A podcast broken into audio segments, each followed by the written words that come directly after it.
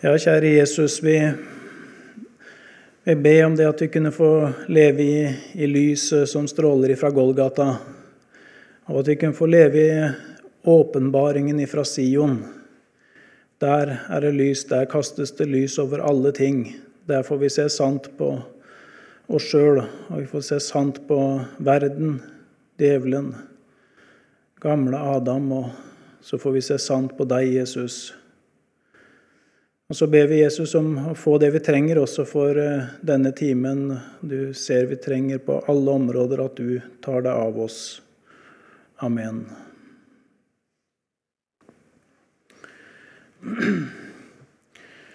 La da lyset fra Golgata stråle meg imot. Det ber Jonas Pettersen om når han tenker mot livets avslutning. At ikke det er eh, edomitten som har seira, og denne verdens fyrste og det evige mørket. Men at det er lyset fra Golgata han, som stråler imot han, og han går til himmelen. Vi skal lese, lese igjennom eh, dette ene kapittelet enda en gang der i Obadia. Ehm, før vi leser det, så kunne jeg hatt lyst til å spørre om, eh, om noen av dere som har vært i Israel, om om eh, dere også da har vært over grensa i Jordan og inn til denne oldtidsbyen som heter Petra. Ser ingen ser én ei hand i været bak her, ja. Det er eh, Jeg har ikke vært der sjøl, men jeg har hørt andre fortelle, og det har virkelig vært et besøk. Eh, det er regna som noen av si, de store underverka fra oldtida. Og det er inne i Edoms land. Virkelige altså kulturskatter her. Du ser at her har det vært høy, høy visdom. Menneskelig visdom. Her har det vært rikdom og kløkt osv. Inn i Edoms land og edomittene. Og, og inngangen til eh, noen av disse byene også er bare sånne smale, smale passasjer. Veldig enkelt å forsvare uhyre vanskelig å angripe osv. Og, så og de bor oppå altså fjellborger og sånn oppe i høyden hvor, eh, hvor de hadde sine rikdommer osv. Og, så videre, og det var liksom usannsynlig at noen skulle kunne vippe dem av pinnen.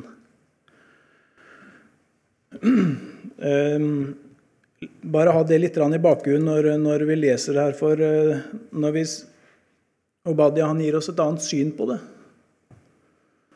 Vi får se noe annet enn det vi ser med våre menneskelige øyne når vi besøker områdene. Nå er det ikke lenger edomitter som bor der. For det er over og ut Gud har vist oss allerede i historien hva som skjer med edomitten og dem som følger i deres fotspor. Ehm, vi skal komme litt tilbake til det, men som folkeslag så er det ute med dem. De er borte. De hadde ikke framtida for seg, for de var under dommen. Obadias syn, så sier Herren Herren om Edom. En tiende har vi hørt fra Herren, et bud er sendt ut blant hedningefolkene. Stå opp, la oss reise oss til kamp mot Edom.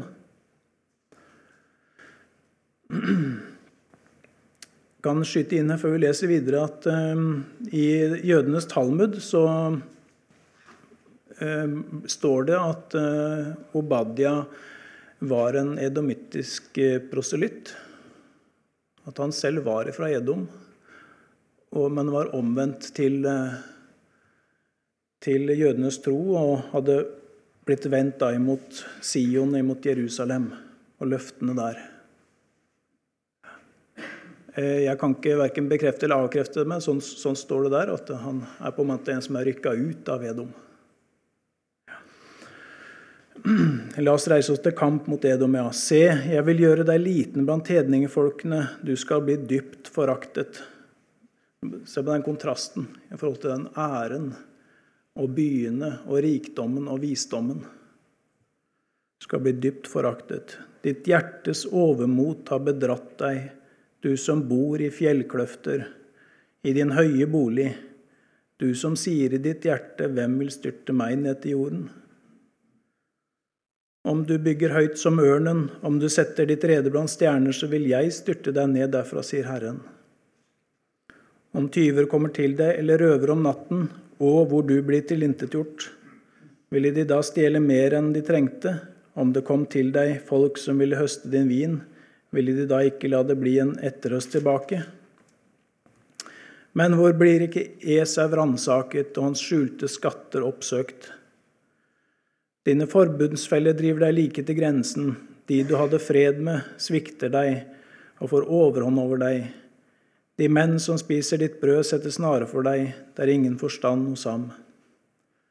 Skal jeg ikke på den dagen, sier Herren, gjøre ende på all vismenn i Edom og all forstand på Esaus berg. Dine kjempetemaene skal bli motløse, så hver mann blir drept og utryddet på Esaus berg. For ditt voldsverk mot Jakob, din bror, skal skam dekke deg, du skal bli utryddet til evig tid. Den dagen da du sto på avstand, den dagen da fremmede førte bort hans gods, da utlendinger gikk inn i hans porter og kastet lodd om Jerusalem, da var også du som en av dem. Se ikke med skadefryd på din brors dag, på hans ulykkes dag. Gled deg ikke over Judas barn den dagen de går til grunne, Lukk ikke i din munn så vidt opp på trengselens dag. Dra ikke inn gjennom mitt folks port den dagen de er i nød. Se ikke også du med skadefryd på deres ulykke den dagen de er i nød. Legg ikke hånd på deres gods den dagen de er i nød. Stå ikke ved veiskillet for å hogge ned dem av mitt folk som er sluppet unna. Overgi ikke dets flyktninger til fienden på trengselens dag.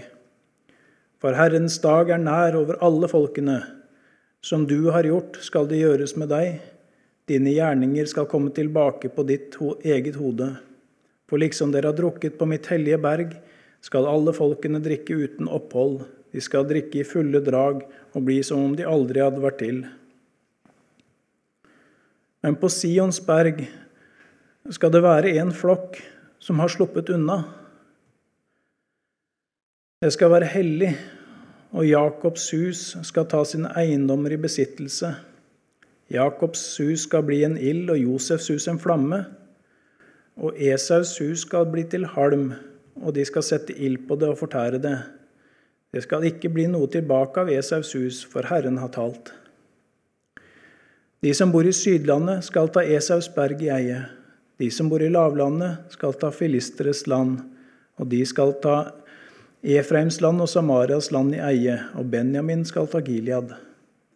De bortførte av denne Israels hær skal ta kananernes land helt til Sarepta. Og de bortførte fra Jerusalem, de som er i Sefarad, skal ta Sydland i eie, Sydlandets byer i eie. Redningsmenn skal dra opp på Sions berg og dømme Esaus berg, og riket hører Herren til. Ja, vi snakka litt om uh, dette Esaus berg, eller Edom, som er liksom den ene motpolen her, og så har vi den andre, som er da Sion. Uh, og som vi så i vers 16, så sier Gud det like ut 'mitt hellige berg'. Mitt hellige berg. Uh, sånn geografisk, eller så, så er jo Jerusalem i hvert fall et par hundre meter lavere enn fjellene inne i Edom. Ehm, men det står om eh, de flere av de andre profetene at eh, fjellet der Herrens hus står, skal være høyt hevet over alle de andre fjellene. Og hvorfor det? Hva er det som gjør dette Sions berg Judas berg, hva er, det, hva er det som gjør det høyere enn alle andre fjell? Og Vi skal huske på det her at det, som vi nevnte i stad, det holdt ikke det at man bare eh, var jøde i, i bekjennelsen og geografisk, geografisk, bodde i dette området og, og, og sa at 'vi er Abrahams barn', og så var du redda. Nei, vi hører om her i profeten Obadia at Gud har jo også en domshandling pågående inne i Sion og Jerusalem. Han sender jo nettopp her nå inn fiendeherrer som virkelig rensker ut. Og så blir det Det er bare en flokk som er sluppet unna til slutt. En hellig flokk. Ja, hva er det da som er spesielt her? Jo, det var, eh, som Per var inne på i stad, det var ikke det å gjøre gjerningen og reise dit og bo der, eller det å gjøre gjerningen og gå i tempelet, det å gjøre gjerningen og feire høytidene. Det var ikke det som frelste dem. Når de begynte på den måten, da sier Gud at det er bedre at eh, dere stenger tempelet. Stenger tempelets dører. Det er misforstått totalt. For det som hever Sions berg over alle andre berg, det er åpenbaringen, det er forkynnelsen ut av alle disse tinga som Gud har påbudt dem. Det er den åpenbaringen som hever det over alle andre berg. Og Hvis vi ser litt sånn eh, historisk på det, så bare nevner noen ting som vi også geografisk eh, da har i dette fjellområdet ved Sions berg, rundt Jerusalem. Så Moriaberg, der hvor Abraham fikk beskjed om å ofre Isak, det er jo i samme område. Og Hvis vi tenker på tidslinja, som vi også så på helt til å begynne med i dag, så um, er jo det tidlig i Bibelen. Um, I første Mosebok 12 så begynner jo dette med, med Abraham. Og så går historien utover, og så får han da etter hvert Han har endelig fått denne sønnen som han har venta på i så lang tid, og som er han så kjær. Og så får han beskjed om å dra et spesielt sted.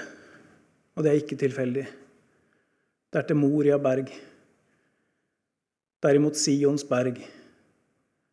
Gud vil forkynne noe her. Og så, og så går de denne lange veien dit, tre dagsreiser og og jeg har eh, tenkt eh, en del på den vandringa der. Den må ha vært meget spesiell. Eh, å gå og snakke med Isak der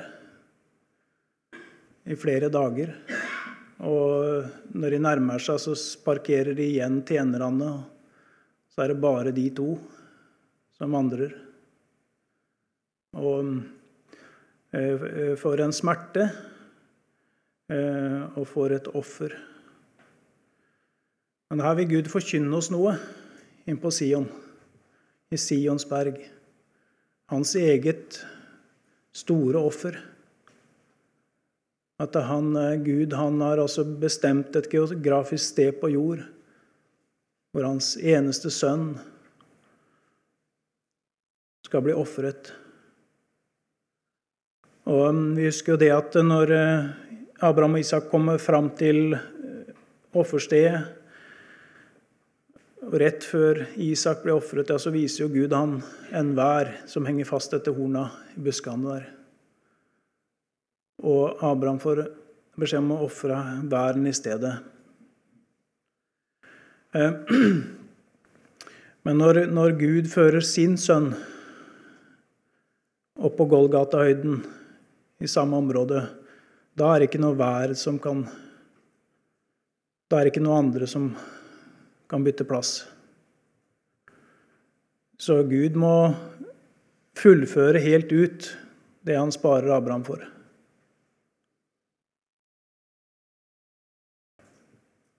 Det er på Sions berg.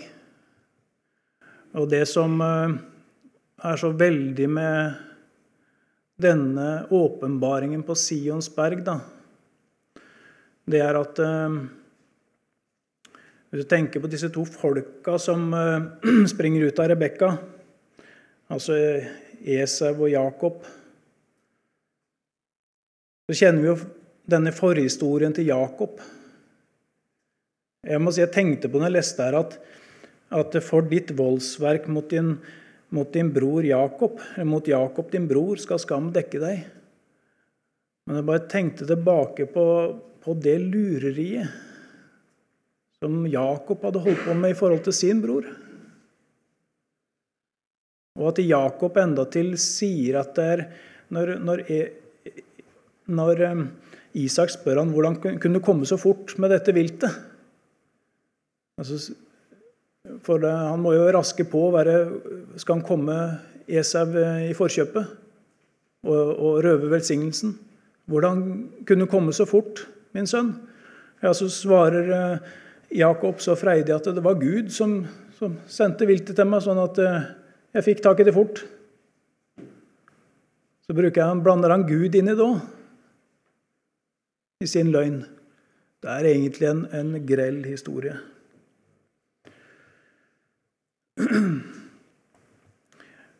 Også at eh, det offer, altså at når Gud ofrer sin eneste sønn, sin kjæreste, han som eh, han har behag i, osv. Nå gjør han til syndofferet, og det er han som blir ofra. Han kan ikke spares. Så er det altså for sånne som Jakob. Det er altså for å Eh, det er en åpenbaring for Jakob. Det er for at Jakob skal få et sted å bo og være. At det skal være løfter som holder til og med for Jakob til frelse.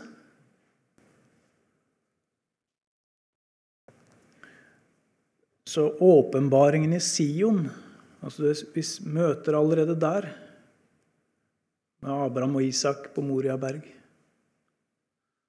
Og Gud som gikk med Jesus opp til Golgata, og så kunne han ikke spares. Seinere så jo også, bygde jo Salomo tempelet da, oppe i Det er jo samme fjellområde her. Og mm, tenk på alle disse tinga som Gud hadde påbudt i tempelet som de tre ganger om året skulle de reise opp til høytidene, de som ikke bodde rett i nærheten da.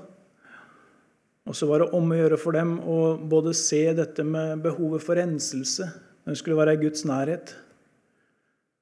Og så var det det å få se De fikk også synlig se denne forkynnelsen av at det måtte ofres et dyr i stedet for en enkelte synder. Det var et lyteløst offer som ble gitt i stedet for den enkelte. Og En gang om året så fikk de også se at det ypperste presten gikk inn i det aller helligste for å sone folkets synder, og så kommer han ut igjen, eh, og så kan han løfte hendene til velsignelse over dem. Så kan de ha Guds velbehag over seg og velsignelse, for det har skjedd et offer der i det aller helligste. Det var forkynnelse år etter år. Åpenbaringen i Sion. Seinere så kommer vi til Golgata, korset som blir reist på Golgata. Da er forbildenes tid over. Det er oppfyllelsen. Det var virkelig på dette stedet der, der Abraham hadde vært da, ca. 2000 år før med sin sønn. Det var der Gud skulle ofre sin sønn, altså for Jakobs synder. Og den tomme grav den har stått opp igjen. Det er forkynnelsen fra Sion, og åpenbaringen på Sion. Og Dermed så kan vi egentlig også godt si det, at uh, åpenbaringen på Sion, det er Guds ord. Det er Bibelen.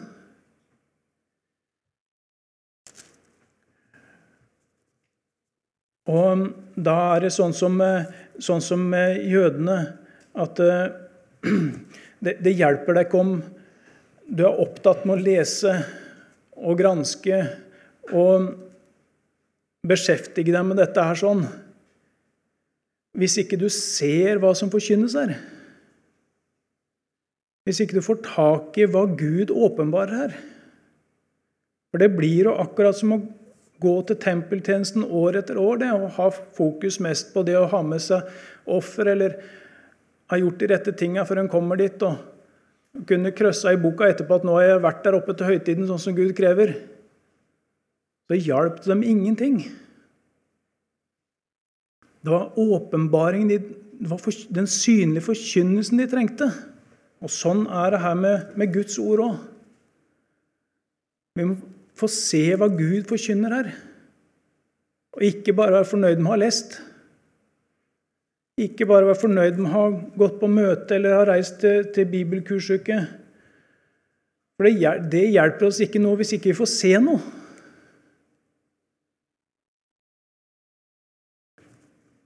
Hvis ikke Gud får forkynne oss noe, da er det fånyttes.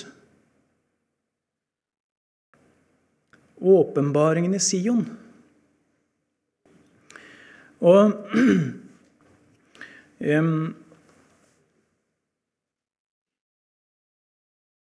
Jeg stiller et spørsmål her eh, på slutten, her nederst. Det store spørsmålet her også overfor Obadias bok da, det blir jo egentlig dette Hvor bor jeg hen? Bor jeg på Edomsberg? Eller bor jeg i Guds åpenbaring på Sion? Bor jeg i Ordet?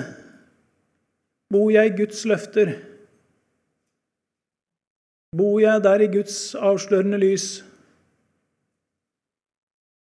Eller bor jeg i Edom, hvor jeg stoler på et eller annet som jeg mener er verdifullt? Hvor jeg bygger på et eller annet som jeg mener at Gud vil jeg skal bygge på?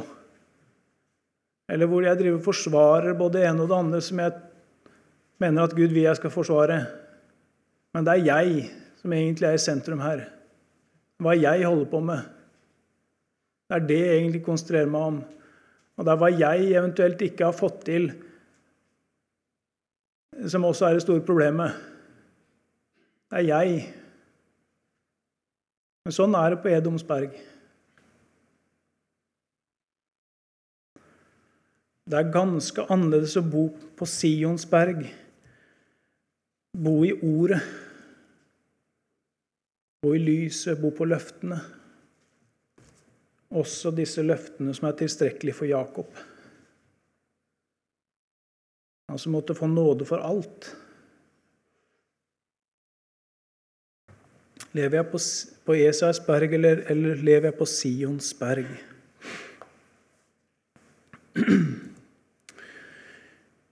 Hvis vi ser, eh, hvis vi ser på teksten vår her helt til å begynne med, så det er kanskje, Da kommer vi kanskje litt, litt, inn på det som Per var inne på i de to første timene. Men eh, hva ser eh, Obadia for noe? De profetene ble jo kalt for seere.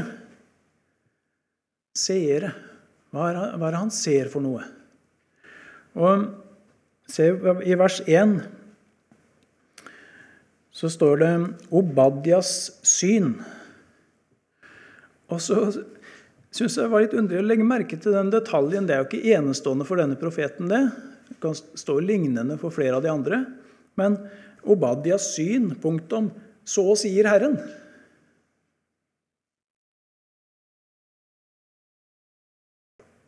Så sier Herren om Edom. Altså, han ser hva han ser. Jo, han ser det som Herren taler. Altså, det er Guds tale som er hans syn.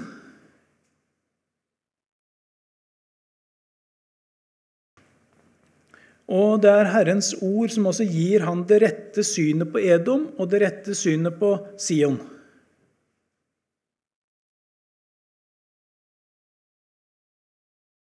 Her er det altså Guds ord da, som åpenbarer Så han får se forskjellen på det å bo på Sionsberg og det å bo på Esausberg. Og um, Jeg vet ikke helt hva ord jeg skal, ord jeg skal mm, bruke på det, men, men jeg har i en setning eh, på bånn her sånn at alle har et syn på Bibelen. Bedømmer Bibelen på en eller annen måte. Men du kan stille spørsmålet men er det blitt sånn at Bibelen har blitt ditt syn.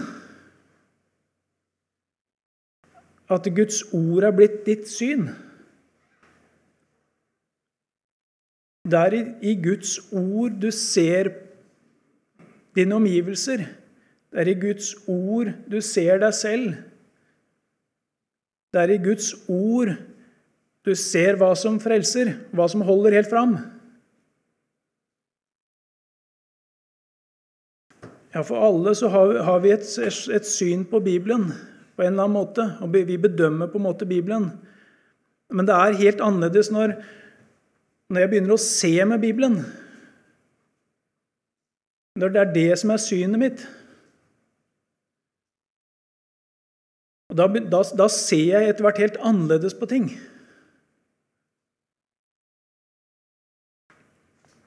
Bare et lite eksempel. Bare tenke på eh, dine troende brødre og søstre i Kristus.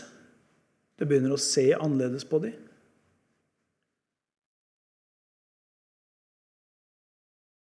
Derfor kjenner vi fra nå av ikke noen etter, etter kjødet. Har vi jo kjent Kristus etter kjødet, så kjenner vi han ikke lenger således. Du begynner å se på dine brødre og søstre med Skriftens øyne. Så ser du dem som frelste, Guds barn. Du ser dem ikke etter kjødet lenger.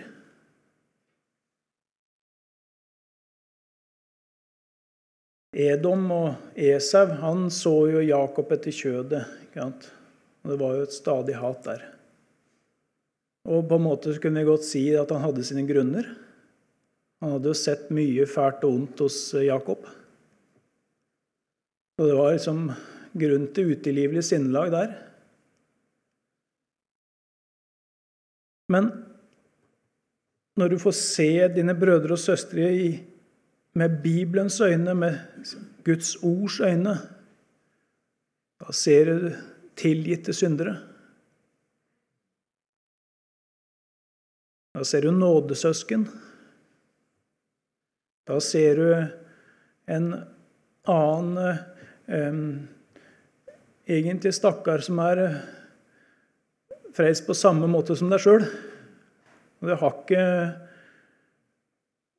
Og du må også si det at eh, ja, denne, denne bror eller søster har nok problemer med en del ting, eh, så kanskje synlige utslag osv. Men det er betydelig verre, det jeg sliter med.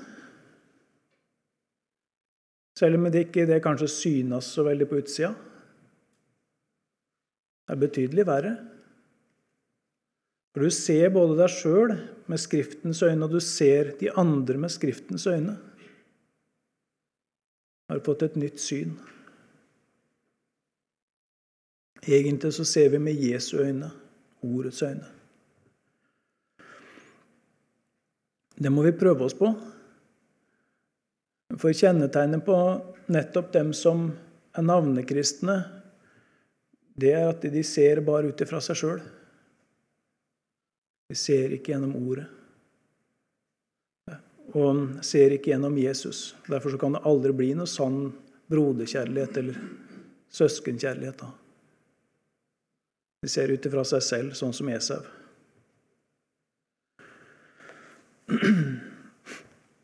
Er Bibelen ditt syn? Er Bibelen mitt, mitt syn og mitt øye? Eh, I, vi møter et, et, fint ord, eller et underlig ord, fra Hagar. I første Mosebok 1613. Trellkvinnen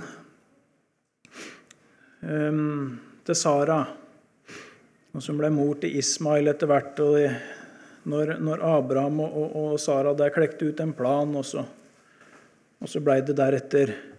Men eh, eh, Hagar hun rømmer jo, rømmer jo, ut i ørkenen fordi at eh, Sara er halm Og så oppsøker Herrens engel henne der, og så står det i 1. Mosbok 16, 13, og Herren sa til henne Eh, og Herren som talte til henne, kalte hun ved navnet 'Du er Gud, den som ser'. For hun sa, 'Har jeg her virkelig fått se ham som ser meg?' Har jeg her virkelig fått se ham som ser meg? Du er Gud, den som ser. Og um, jeg tror at um, i en del saker så skulle vi ikke stole så blindt på hva vi ser. Men uh, vi skulle heller spørre hva er det du ser, Gud? Hva ser du her i denne saken? For vi kan så fort ta feil med det vi ser med vår bedømmelse. Og vi ser heller ikke alltid hva andre ser og har sett. Så kan vi ta grundig feil. Men vi skulle spørre hva er det du ser, her, Gud? Det kan være ubehagelig, det er for at Gud ser så mange ting. Kanskje bør bli minnet om forskjellige ting, og så må vi snakke med vi får, kommer inn i oppgjøret sjøl, for Gud ser ting som vi har oversett, eller som vi, vi ikke ville se. Gud sett det. Må vi inn i oppgjøret. Eller så kan det også være sånn at Gud viser oss ting som vi ikke hadde lyst til å se inn i. Og så må vi ta oppgjør med det. Og det er ubehagelig. Også i forhold til andre mennesker. Men om vi kunne få røska tak i den derre egne stoltheten over vår egen vurderingsevne og bli litt mindre. Og så heller spørre hva er det du ser, Gud, i denne saken? Hva er det du ser? Hvordan bedømmer du her? Så fikk vi kanskje et annet øre også i forhold til Guds ord, og et annet lys til å gå inn i sakene. Du er Gud, den som ser. For hun sa, har jeg her virkelig fått se ham som ser meg? Og så er Det rart med, det er jo på en måte en trist historie med Hagar, men Gud lar også Hagar få se altså Gjennom det som Gud taler til etterpå, så får Hagar se hva slags livsfrukt det skal komme av hennes liv. Og og det er ikke småtteri, for hun får høre det at uh, han som skal bli født, han, kommer til å være et, han skal bli et villesel av et menneske. Det får hun se. Så ut av dette, fra trellen, så kan det bare bli født på en måte en enda verre trell. Et villesel av et menneske. Det får hun se i det som Gud eh, taler til henne etterpå. Gud gir henne øyne å se med hva som blir født her. Og um, kanskje er det det Gud trengte å vise oss i dag. At ut av det som vi eh, satte vår lit til, og kanskje vi satte vår lit til kristendom og vårt syn på det ene og det andre, vår kløkt, vår tanke. Men da skal vi i så fall vite det at hvis det er løsrivet fra Gud, så vil det komme et villesel ut av det. Det vil komme noe enda verre.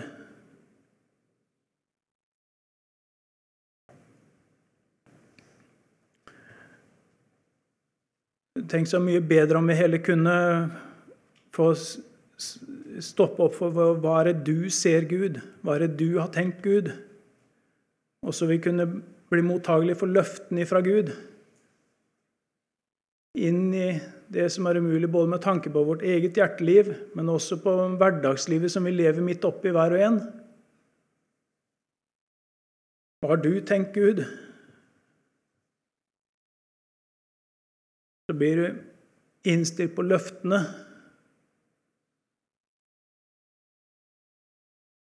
Og så veit vet vi jo det at ut av løftene så ble det født noe helt annet.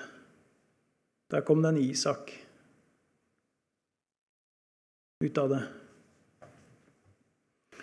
Det er en parentes her til, til det ordet i Obadia. Men, men Gud, den som ser.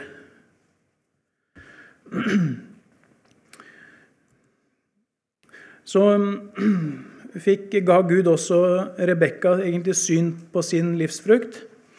Ehm, jeg ser at det er fem minutter omtrent igjen, så vi skal, jeg tror det passer at vi egentlig avslutter timen vår her sånn. Men det er rart også, når Gud taler til Rebekka, så fikk hun også se hva livsfrukter ble av hennes liv. Første Mosbok 25-22. Vi har jo vært så vidt innom det før også. Men der det også står og tenker Vi har eh, noe å lære av Rebekka her. Hun som jo på en måte er utgangspunktet både for Edomsberg og, og Jakobsberg, eller Sionsberg. Sted hvor Jakob kunne søke tilflukt. Men eh, barna støtte mot hverandre i hennes liv. Da sa hun, 'Er det slik med meg? Hva skal så det bety?' Og hun gikk for å spørre Herren. Hun gikk for å spørre Herren. Og Herren sa til henne, I ditt liv er det to folk, og fra ditt mors liv skal to folkeslag skilles ad.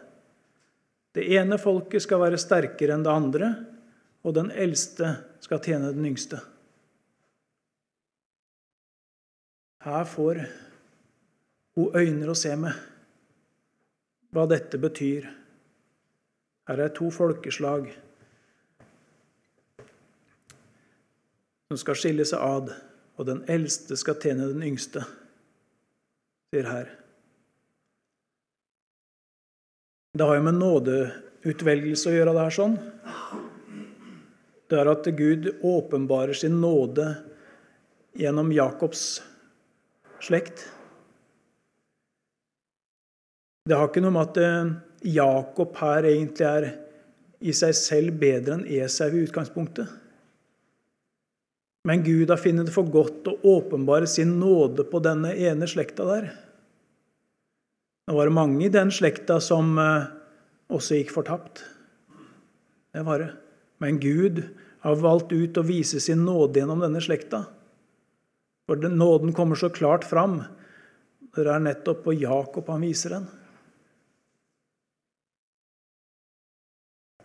Og så får Rebekka se det at det skiller seg av to folk her. Det er ett folk som blir berga ved nåden, det uforskyldte. Og det er ett folk som, som går med sin uh, jaktkunnskap og med sin kløkt opp og sier flytt deg ut i Seerfjellene og inn i Edom og begynner å bygge opp. Men dette synet fikk hun når hun spurte Herren. Hva skal så dette bety? Og hun gikk for å spørre Herren. Og um, um, Vi skal altså avslutte med, med det ordet som, um, som uh, hvis jeg hadde det her ifra, ifra, Det har jeg ikke oppe på plansjen der, men jeg har bare notatene mine fra profeten Habakuk, kapittel 2 og vers 1. Eh, Habakuk kapittel 2 og vers 1. Der også handler det om det om å, å, å få se noe i Guds ord. At det er Gud som viser oss, gir oss syn, så vi ser riktig. Og Han er i en pressa situasjon, denne profeten også. Han ser jo faktisk, tror jeg, eh, samme situasjon som Obadia. Han ser kalderene, kalderaene, altså det ville og voldsomme folket. Det er babylonerne. Han ser dem komme imot Jerusalem. Og han skjelver når han ser det her skjer. Men eh, Så jeg tror han er i samme tid som Obadia. Men hva, hva gjør han da? Jo, kapittel 2, vers 1. På min vaktpost vil jeg stå og stille meg på varden. Jeg vil skue ut for å se hva Han vil tale til meg, og hva jeg skal få til svar på mitt klagemål. Det er å stille seg opp på ordets varde. Guds ord det er som en, sånn, en varde, sånn utsiktspunkt. Der får du overblikk over tinga. Der får du se i de vide perspektivene. Men det er ikke alltid det er så klart. Eh, det kan være mange spørsmål når du står der på ordets svarde, mye en ikke forstår. Men jeg vil stå stille meg på varden, jeg vil skue ut for å se hva Han vil tale til meg. Og hva jeg skal få til svar på mitt klagemål. For det hadde blitt vanskelig for, eh, for Habakuk. Det hadde blitt vanskelig, så han måtte spørre Herren. Så skal vi mm, stoppe med det da, om vi kunne bære med oss dette, disse to spørsmåla. Det ene bor jeg på Esaus berg, eller bor jeg på Sions berg? Åpenbaringen i Sion, ordet. Og så dette andre Er det sånn at jeg bare har fått Jeg, jeg har liksom mitt syn på Bibelen. Eller er det blitt sånn at eh, Bibelen er mine øyne? Bibelen er mitt syn, som jeg ser ut med? For det er stor forskjell på det. Kjære Jesus, vi ber om at du legger ditt ord inn på hjertene, at du snakker med hver og en av oss ettersom vi trenger forskjellige ting, Jesus, vi sliter med og kan sitte fast i. Så ber vi om at du som er den store sjelelegen, at du får tale ut med den enkelte. I ditt navn. Amen.